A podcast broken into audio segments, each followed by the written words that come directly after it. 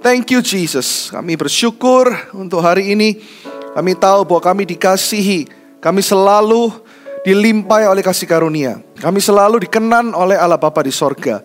Oleh karena pribadi Tuhan Yesus Kristus. Tuhan, kami mau mendengarkan firman-Mu, sembunyikan hamba dan setiap yang menonton di rumah-rumah di balik salibmu yang kudus. Engkau adalah Tuhan yang hidup Tuhan yang layak menerima segala hormat, pujian, kemuliaan, dan setiap kata yang keluar dari mulut hambamu adalah sungguh-sungguh kata-kata dari hatinya roh kudus. Di dalam nama Yesus. Amin. Ini minggu terakhir di bulan April saya akan berkhotbah dengan judul Mengenal Pribadi Bapa.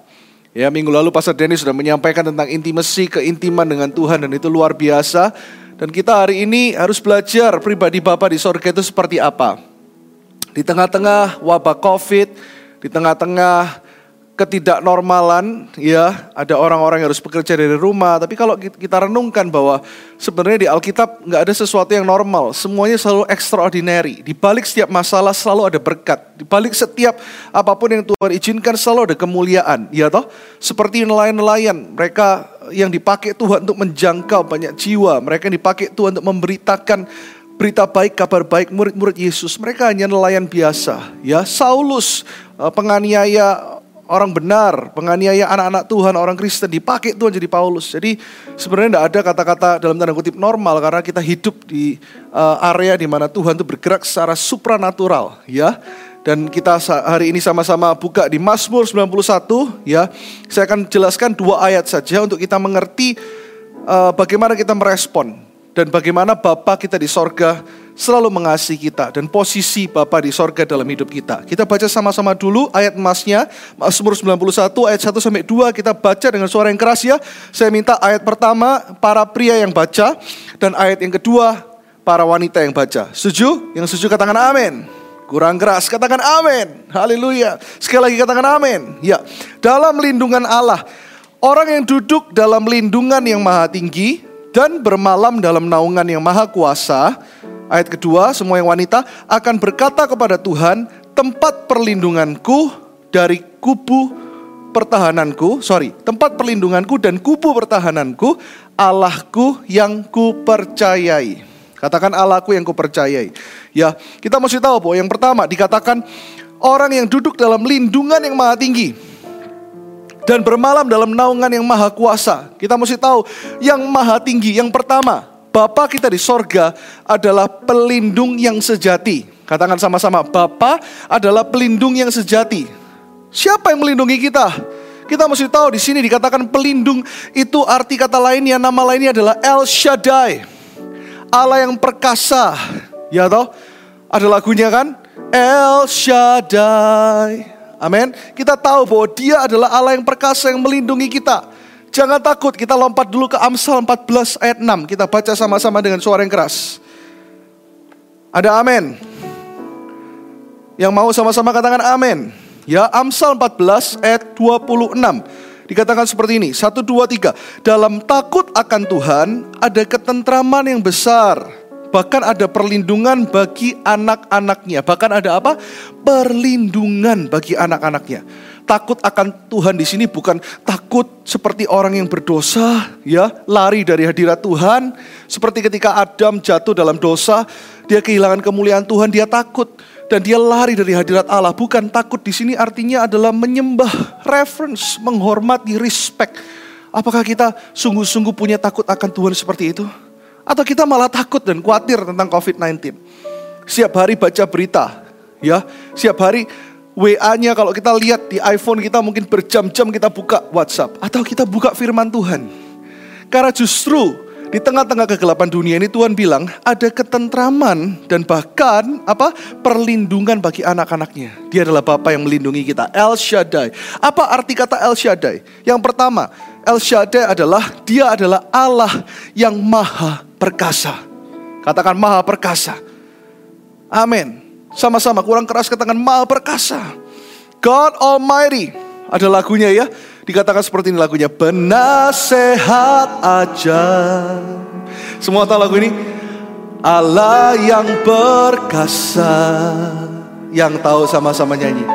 Bapa yang kekal Raja damai. Yes, Lord. Sambutlah dia Yesus Tuhan Juru selamat dunia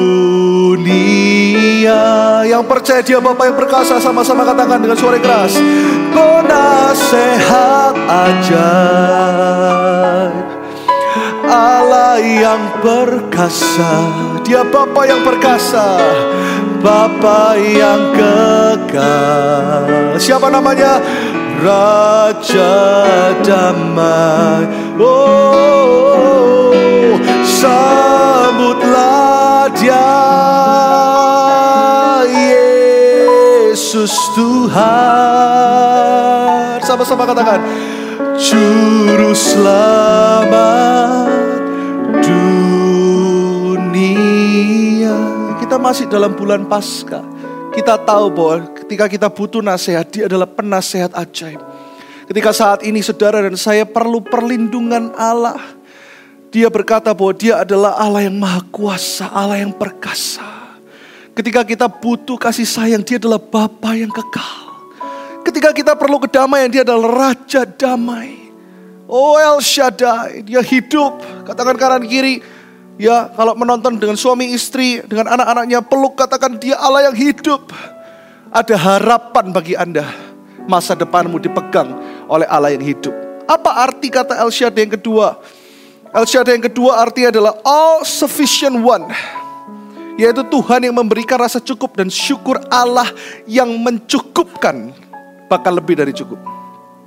Anda tahu di saat di tengah-tengah wabah COVID ini ada kebaikan Tuhan yang luar biasa dan ada juga berkat di balik masalah ya. Keluarga jadi lebih rukun, lebih banyak waktu untuk berfellowship. Saya tahu bahwa hari-hari ini yang Tuhan ingatkan ketika sebelum saya berkhotbah pagi ini saya saat teduh Tuhan ngomong seperti ini, rasa cukup itu penting. Ada banyak saat ini saudara yang menonton, saya tahu ada banyak yang bisnisnya uh, mengalami dampak yang luar biasa. Ada banyak juga yang pelayanannya tergoncang. Ada yang banyak mungkin pabrik kerjaannya ataupun apa pun juga mengalami goncangan. Tapi percayalah, kita punya Allah yang luar biasa. Mungkin semua orang alami ini, termasuk anak Tuhan. Ya, Tuhan nggak pernah berjanji, nggak akan ada masalah dalam hidup orang Kristen. Tapi Tuhan berjanji di tengah-tengah masalah, di tengah badai itu Tuhan akan berjalan di atas badai bersama-sama dengan kita. Itu janji Tuhan. Bedanya apa kita dengan orang dunia? Kalau orang dunia takut akan pencobaan, kalau kita justru melalui pencobaan, Tuhan akan kirimkan malaikat-malaikatnya untuk melayani kita. Seperti ketika Yesus dicobai, malaikat-malaikat datang untuk melayani Tuhan. Jangan takut, adalah bala tentara sorgawi ada malaikat-malaikat Tuhan yang berjaga-jaga atasmu di mana pun kau berada saat ini. Gak tahu kenapa waktu saya berkhotbah seperti ini saya melihat ada beberapa orang yang meneteskan air mata. Saya ngerasa sekali karena Anda ngerasa bahwa benar-benar Bapa itu hadir. Yes, karena Yohanes 14 ayat 8, saya nggak siapkan ini, tiba-tiba Roh Kudus ingatkan ayat ini. Dikatakan Filipus berkata, tunjukkanlah Bapa itu kepada kami, maka itu akan membuat kami puas. So that I will be satisfied rasa cukup dan puas tidak ada hubungannya dengan materi. Saya, saya pernah lihat dan kalau kami keluar satu keluarga, ya saya suka perhatikan beberapa keluarga yang suka makan ya di tempat rumah makan di mana kita makan. Ya, ada keluarga yang kelihatannya kaya raya tetapi ketika ada bapak, anak, ya mungkin mertua atau mama dari dari dari dari ayah anak-anak yang juga dibawa jadi satu keluarga. Jadi ada ada omanya ada opanya ada papa mama dan anak-anaknya. Tapi mereka semua main HP tidak ada uh, connection tidak ada intimasi tidak ada kemesraan makanan keluar makan sendiri-sendiri. Tetapi saya pernah lihat ya satu keluarga yang sangat sederhana ya Sederhana tapi kaya. Orang yang kaya bukan cuma kaya secara materi. Orang yang kaya itu adalah orang yang bisa rasa cukup. Seperti dikatakan El Shaddai, Allah itu memberikan rasa cukup. Dan bisa bersyukur dengan apa yang kita punya. Lima roti dua ikan, asal kita nikmati dengan hadirat Tuhan. Saya pernah lihat ada keluarga yang begitu sederhana tapi mereka nggak main gadget, nggak main apa-apa dan dan mungkin mereka harus apa itu untuk mereka bisa makan mereka harus tabung. Tetapi ketika mereka bersatu di meja makan atau makan di rumah secara sederhana, ya mereka bisa mesra sekali. Mereka ngomongin Tuhan dan sebagainya. Rasa cukup yang kita berikan, terutama saat ini saya berbicara kepada para imam, para kepala keluarga. Kalau kita bisa apa yang kita turunkan kepada anak-anak kita bukan harta. Tetapi apa yang kita turunkan adalah nilai-nilai kerajaan sorga. Yaitu rasa cukup dan rasa syukur. Ketika Anda bisa menerapkan itu di keluargamu. Percayalah bahwa anak-anakmu akan bertumbuh perkasa di hadapan Allah dan di hadapan setiap manusia. Karena rasa syukur itu adalah hatinya Yesus. Mari kita bersyukur saat ini. Mari kita bersyukur atas setiap keadaan dan apa pun yang terjadi di dunia ini. Mari hari ini saya ajak semua yang menonton kita bersyukur kita angkat kedua tangan kita, kita katakan, saya nggak siapkan semua ini, tapi saya tahu saat ini Roh Kudus sedang mengalir dan menjamah Anda untuk supaya Anda berkata, aku mau bersyukur Tuhan. Give thanks. Mari angkat kedua tanganmu kita bersyukur sedang saat ini. Yang bisa berbahasa lidah, aku boleh berbahasa lidah. Bebaskan rohmu saat ini. Untuk menyembah dia. Ada rasa syukur, rasa cukup. Dia adalah Allah yang mencukupkan dan memberikan rasa cukup itu. Kiara shikarata karapa papa papa papa papa. Kiana ngarama tu kuriara shikarata rabash. Kiara bara bara bara bashiri Kami bersyukur, bersyukur, bersyukur. Kami bersyukur. Ada lagu lama yang berkata bersyukur, bersyukur, bersyukurlah bersyukur atas kasih setiamu. Sama-sama angkat kedua tangan. Ku sembah, ku sembah, ku sembah dan ku sembah selama hidupku. Ku sembah kau Tuhan Yang lagu ini angkat kedua tanganmu sama-sama katakan Bersyukur, bersyukur, bersyukur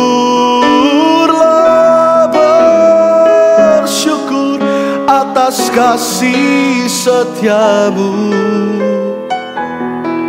Ku sembah, ku sembah, ku sembah dan ku sembah Selama hidupku ku sembah kau Tuhan Wow, saat ini saya merasakan hadirat Tuhan yang manis menjamah setiap Anda di rumah-rumahmu Di dalam nama Yesus Haleluya, haleluya. Dan yang ketiga, arti kata El Shaddai adalah God our mountain. Dia adalah gunung batu keselamatan kita, gunung batu dan kubu perlindungan kita. Jangan takut tentang apa pun juga karena dialah gunung di mana dia adalah Allah yang berkata, saya sering mention ini di khotbah saya bahwa Bapa yang di sorga, bumi ini hanya bisa menampung satu kakinya. Tidak usah takut. Karena dikatakan jika orang benar takut di hadapan orang fasik itu seperti mata air yang keruh. Saya berdoa supaya semua jemaat New Life Church yang menonton ataupun setiap jemaat yang menonton walaupun bukan jemaat New Life Church, Anda menjadi sumber mata air yang mengalir, bukan mengalirkan ketakutan, tapi mengalirkan rasa cukup tadi, rasa syukur tadi, mengalirkan penyembahan dari hati karena ketika Anda menyembah dikatakan tahta Tuhan menjadi kokoh. Tidakkah tahta Tuhan selalu kokoh? Tahta Tuhan selalu kokoh, tetapi Tuhan memilih untuk menulis dalam firman-Nya di dalam pujian penyembahan umatnya. Banyak memuji dan menyembah hari-hari ini. Banyak mendekatkan diri sama Tuhan, banyak mengenal pribadi Kristus yang begitu luar biasa. Karena Christ, dialah yang sesungguhnya harus kita muliakan. Gunung batu perlindungan kita. Yang keempat, El Shaddai artinya the destroyer of our enemies. Tuhan itu adalah Tuhan yang sudah menghancurkan dan mengalahkan musuh. Dan bahkan ada kesaksian di mana di tahun 1930-an ada seorang rasul penginjil namanya John D. Lake. Ketika dia pergi menginjil seorang charismatic ya, seorang yang ada di dalam pergerakan Pantai Kosta yang luar biasa. Dia menginjil di daerah Afrika Selatan. Dan ketika dia dikepung, Waktu itu belum zaman banyak virus tapi banyak bakteri. Tangannya ditarik dan ditaruh bakteri yang mematikan di tangannya. Dan orang yang tidak percaya Tuhan, mereka pun bingung ketika melihat dengan mikroskop bahwa bakteri itu mati di tangan penginjil yang luar biasa. Percayalah hari ini bahwa kuasa Tuhan masih ada. Segala virus tidak akan pernah bisa mendekat kepadamu. Tetap berjaga-jaga, of course, tetap berhikmat, jangan keluar rumah dengan sembarangan, nggak pakai masker, nggak ikut uh, apa yang dikatakan pemerintah. Tapi percayalah, Tuhan tuh melindungimu. Dia adalah Tuhan, dikatakan jangan lupa, dia adalah Tuhan yang penuh kasih karunia. Tetapi Tuhan itu komplit. Sifat Tuhan dan karakter Tuhan itu komplit. Dia tetap membela, dia adalah Tuhan yang membelah laut merah. Dia adalah Tuhan yang menyertai orang Israel di padang gurun. Dia adalah Tuhan yang memberikan otoritas kepada Joshua ketika Joshua berkata matahari berhenti dan matahari dan bulan itu berhenti di lembah Ayalon, masih ingat cerita itu? Tuhan yang sama sampai hari ini. Dia tetap adalah Tuhan yang penuh kasih karunia. Tetapi jangan lupa, dia juga adalah api yang menghanguskan. Wow. Dia tetap membela umatnya. Tapi juga jangan hari ini mengutuki orang yang menjadi seterumu jangan karena pembalasan itu haknya Tuhan. Tetapi saya mau kasih tahu Anda, Tuhan itu tetap memiliki tangan yang kuat. Dia berdaulat atas segala sesuatu. Dia berdaulat untuk menghentikan Covid kapan pun dia mau. Dia berdaulat untuk memberkati bisnismu kapan pun dia mau. Dia berdaulat bahkan untuk menutup pintu saat ini kapan pun dia mau. Ingat dia adalah Tuhan yang berdaulat di Life Church. Tidak ada yang bisa melawan dia. Tidak ada yang bisa mengalahkan kuasanya. Tidak ada yang bisa mengatur dia. Dia adalah Alfa dan Omega. Dia yang awal dan yang akhir. Dan firman itu bersama-sama dengan dia. Allah itu hidup. Dan hari ini alamilah kehidupan yang baru. New life di dalam Allah yang maha perkasa. El Shaddai. Amin. Poin yang kedua. Mengenal pribadi Bapa. Pribadi Bapa itu seperti apa? Yang kedua. Dia adalah Bapa yang terlalu mengasihi kita. Amin. Katakan sama-sama pribadi Bapa yang terlalu mengasihi kita. Ya kita balik ke Mazmur 91. Lah orang yang dikasihi Tuhan tuh seperti apa? Kita mesti tahu bahwa apa yang saat ini saya juga ajarkan banyak keluarga saat ini punya banyak waktu untuk saat teduh. Ketahuilah bahwa penerimaan kasih itu penting karena kasih itu akan membuat diri kita ya akan membuat kita percaya diri itu yang pertama. Dulu saya waktu kecil ya baru belajar main piano. Dasarnya adalah dari engkong saya memang jualan piano kan gitu. Jadi dari engkong ke papa ke saya, walaupun saya dulu baru belajar main piano, saya kebetulan cucu yang tertua, cucu laki yang tertua. Jadi kalau saya main pianonya biasa, tetapi semua orang waktu itu selalu ngomong, oh ini pinter, karena cucunya ini kan gitu kan ya. Karena opanya pinter main piano, ya. Bukan cuma pinter main piano, tapi jualan piano. Jadi saya udah punya image di hadapan semua orang bahwa saya pinter main piano. Padahal mungkin waktu itu saya mainnya biasa-biasa saja. Mungkin saya juga rata-rata. Tetapi karena saya dikasihi dan setiap hari mama papa saya juga selalu bilang, kamu tuh pasti pintar main piano. Karena kamu waktu lahir aja langsung wajahnya kayak piano kan gitu kan. Ya, kamu pasti pinter, kamu pasti pinter. Ketika kita memperkatakan itu, memperkatakan kasih, memperkatakan firman, memperkatakan yang positif, terjadilah sesuai dengan imanmu menurut kehendak Tuhan. Beberapa kali saya diizinkan Tuhan untuk menjadi juara, padahal saya merasa mungkin banyak orang lain juga yang yang pinter main pianonya. Tetapi kenapa? Karena ketika kita menerima kasih itu, kita belajar kalau Bapa yang di sorga terlebih dan terlalu mengasihi kita. Kita pun kalau merasa dikasihi, dikatakan di firman Tuhan, kita akan mengasihi orang lain juga lebih kalau kita tahu kita dikasihi oleh Bapa. Dan karena saya tiap hari dikatakan kamu pasti bisa, kamu pasti bisa. Itu membuat kita percaya diri. Kasih Bapa membuat kita percaya diri. Membuat kita percaya bahwa segala sesuatu terjadi dalam kehendaknya membuat identitas kita jelas bahwa kita dikasih dan dikenan oleh Allah Bapa di sorga. Coba lihat kisahnya Tuhan Yesus. Orang yang percaya diri itu tidak perlu membuktikan apa-apa. Kita nggak perlu membuktikan bahwa kita mengasihi Tuhan dengan pelayanan kita. Supaya ketika kita lebih banyak melayani, Tuhan lebih mengasihi kita. Salah, kita harus tahu bahwa hari ini siapa pun yang menonton, Anda terlebih dahulu diterima, dikasihi, sebelum Anda melakukan apa-apa. Karena sebelum Anda melakukan hal yang baik, Yesus 2000 tahun yang lalu sudah mati buat kita. Itu bukti bahwa dia terlalu mengasihi kita. Matius 4 ini PR di rumah, ya. Anda boleh baca dan Anda harus baca. Di sinilah identitas Yesus kelihatan. Dia tahu bahwa dia dikasih oleh Bapa di sorga. Dia tidak perlu buktikan apa-apa. Ingat Matius 4 ketika pencobaan di Padang Gurun. Saya nggak buka ayatnya satu persatu. Tetapi di Matius 4 nanti setelah kebaktian ini. Anda baca lagi ya di rumah supaya Anda ingat cerita ini. Anda tahu bahwa ketika Yesus dibawa oleh iblis di, untuk dicobai, ya. Saya bacakan dulu ayat yang ketiga dikatakan, ya. Lalu datanglah si pecoba itu dan berkata kepadanya, "Jika engkau anak Allah, perintahkanlah supaya batu-batu ini menjadi roti." Tapi apa yang Yesus katakan kepada iblis?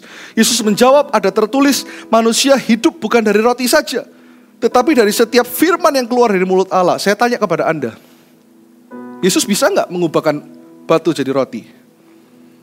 Bukan cuma bisa, Tuhan Yesus sanggup mengubahkan batu menjadi roti mentega yang lebih enak dari roti mentega mana pun yang Anda pernah beli.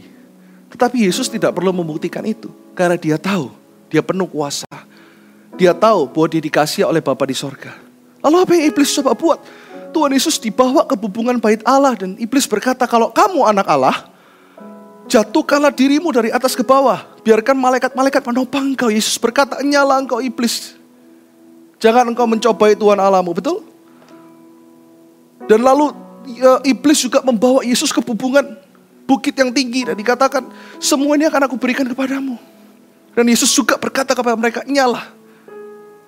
Nyala di dalam nama Yesus. Ketahuilah bahwa Anda harus ini, hari ini tidak perlu membuktikan apa-apa anda hanya perlu bersandar di bawah kaki Kristus dan menerima identitasmu sebagai anak Allah yang maha tinggi dan Bapa mengasihimu saat ini. Mungkin kau saat ini sedang dirudung kesedihan. Anda juga merasa, kok bisa? Tadi di poin yang pertama saya, saya ceritakan dan saya kasih perumpamaan. Tahu nggak bedanya Anda dan orang dunia? Ketika mereka melihat masalah, tidak ada yang melindungi mereka, nggak ada yang dikirim untuk melindungi mereka. Tetapi ketika Anda dalam masalah bedanya ketika Yesus dicobai, setelah Yesus dicobai. Tahu nggak bahwa malaikat-malaikat dikirim untuk melayani dia. Anda tidak sedang ada dalam pencobaan. Anda tidak sedang ada dalam masalah seperti apa yang Yesus hadapi. Karena Yesus selesaikan itu 2000 tahun yang lalu. Karena Allah tidak mencobai. Tetapi mungkin ini adalah sebuah ujian yang Anda harus hadapi. Percayalah, hadapilah dengan identitas yang jelas. Bahwa Bapak selalu mengasihi Anda. Jadi kalau hari ini Anda takut, ya, kita balik ke Mazmur 91 ayat yang kedua dikatakan, kalau kita dikasihi, kita tidak akan takut apa pun. Yang pertama tadi, kalau kita tahu Bapak mengasihi kita, kita akan percaya diri. Yang kedua, kita tidak akan takut apa pun. Kalau kita nggak takut apa pun, kita juga akan memperkatakan seperti apa yang Yesus katakan. Ya, kita balik di ayat yang kedua, Mazmur 91 tadi. Ayat yang terakhir ya. Lalu kita akan perjamuan kudus, siapkan perjamuan kudus Anda. Dikatakan apa? Orang yang bermalam dalam naungan yang maha kuasa, ayat 2 dikatakan apa? Akan berkata kepada Tuhan, tempat perlindunganku dan kubu pertahananku, Allahku yang ku percayai. Wow, katakan wow. Kasih tepuk tangan yang meriah buat Tuhan Yesus saat ini. Apa bahasa Ibrani dari penyakit? Dari penyakit sampar ini. Dari COVID-19 ini. Bahasa Ibrani-nya adalah deber.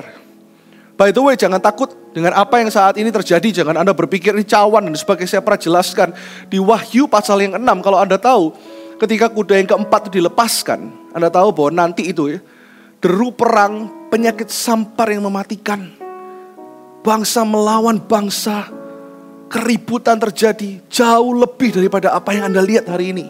Tetapi berita baiknya adalah jangan takut. Kenapa? Karena waktu itu terjadi, kita telah diangkat. Kita mengalami rapture. Ada penyertaan Tuhan atas hidupmu. Justru di tengah-tengah wabah ini, beritakan Injil seluas-luasnya. Beritakan Injil kepada mereka. Bahwa Tuhan Yesus akan segera datang. Dan ada sukacita yang besar, penuaian yang besar. Kenapa kok tahun ini Tuhan namakan Greater Harvest? Dari awal tahun, bahkan akhir tahun ketika saya minta tema untuk tahun ini ketika saya berdoa untuk greater harvest, greater harvest, saya tahu yang dimaksud dengan harvest ini adalah people, jiwa-jiwa. Harvest ini tidak ngomong melulu soal harvest dalam keuangan. Tuhan terus ngomong people, people, people. Saatnya, sorry, saya bukan berarti berkata Anda jangan pikirkan keuangan, bukan, bukan. Saya tahu bahwa manusia hidup masih perlu materi. Anda harus bekerja, harus ada strategi yang benar. Tetapi coba kita taruh Tuhan Yesus dan jiwa-jiwa lebih daripada uang kita. I challenge you today, termasuk diri saya. Saya nggak sempurna, saya manusia biasa.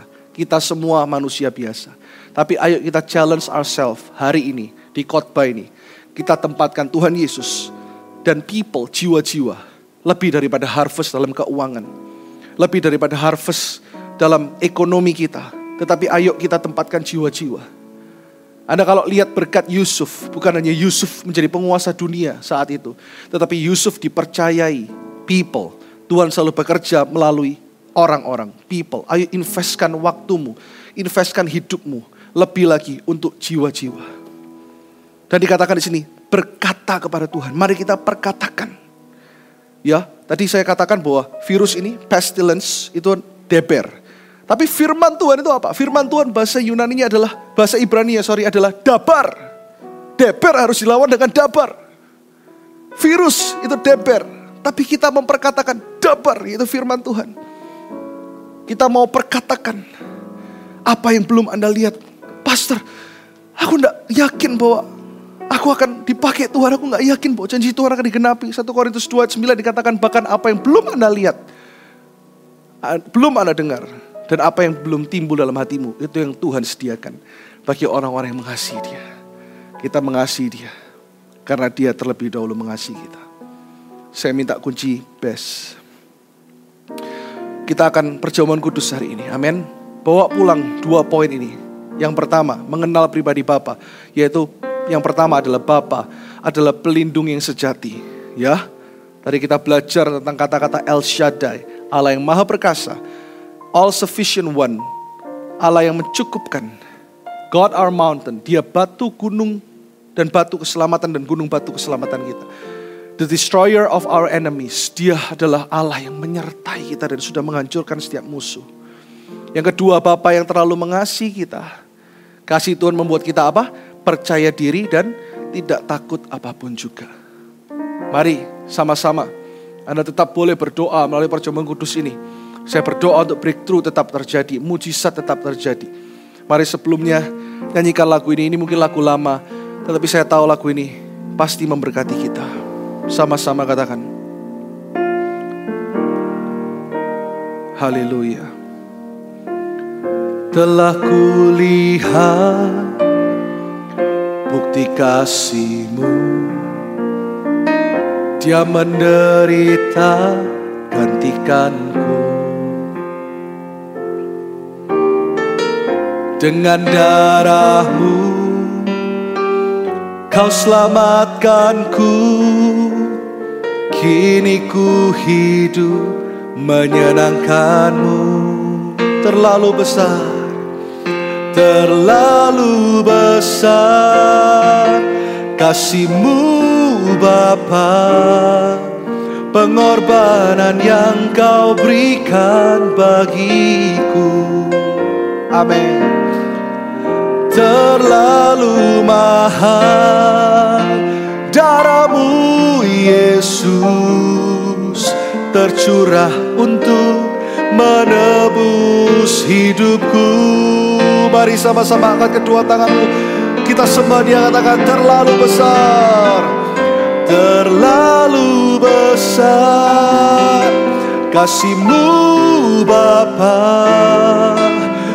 pengorbanan yang kau berikan bagiku terlalu mahal darahmu Yesus tercurah untuk menebus hidupku. Mari kita angkat roti di sebelah tangan kanan kita saat ini. Kami tahu Tuhan bahwa tubuhmu saat ini adalah tubuh kemuliaan. Dan kami tahu roti ini adalah roti biasa, tetapi melalui tubuhmu kami menerima wholeness. Kami menerima kelimpahan, kami terima kesembuhan, kami terima berkat, kami terima hikmat. Ini yang sering orang lupa untuk minta. Di tengah-tengah wabah ini kami minta hikmat yang melampaui segala akal dan pikiran. Turun atas jemaatmu New Life Church. Dan untuk semua yang menonton Tuhan. Dan kami percaya bahwa roti yang di sebelah tangan kanan kami ini roti biasa. Tapi yang membuat roti ini tidak biasa adalah kehadiranmu dalam hidup kami dan kehadiranmu di tengah-tengah kami. Kami terima segala breakthrough kelimpahan berkat yang sempurna di dalam nama Yesus Kristus Tuhan. Amin.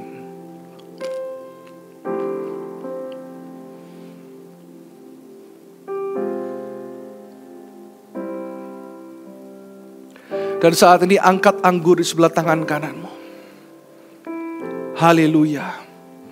Kami tahu darahmu adalah darah yang sempurna Ketika penemu-penemu di dunia ini bisa menemukan vaksin ini dan itu, antraks, rabies, apa pun di tahun-tahun 1900 awal engkau pakai orang-orang bahkan darah yang mengalir di hewan kuda itu bisa menyelamatkan banyak anak-anak waktu itu. Terlebih lagi darah anak domba, satu-satunya putra Allah Darah yang hidup lebih dari vaksin apa pun, lebih daripada obat apa pun, lebih daripada penemuan apa pun. Engkau yang awal dan yang akhir itu yang kami percaya bahwa kami akan selalu keluar lebih dari pemenang Tuhan. Dan kami percaya anggur di sebelah tangan kanan kami ini adalah persekutuan dengan darah Yesus yang telah menebus kami dari segala dosa, yang telah menghancurkan segala kutuk dan memberikan kami kemenangan demi kemenangan. Di dalam nama Yesus yang percaya katakan amin. Haleluya. Haleluya. Haleluya. Haleluya. Haleluya. Terima kasih Tuhan. Terima kasih Tuhan. Terima kasih Tuhan. Yesus, aku di tanganmu. Yesus, aku di hatimu. Yesus. Dia Immanuel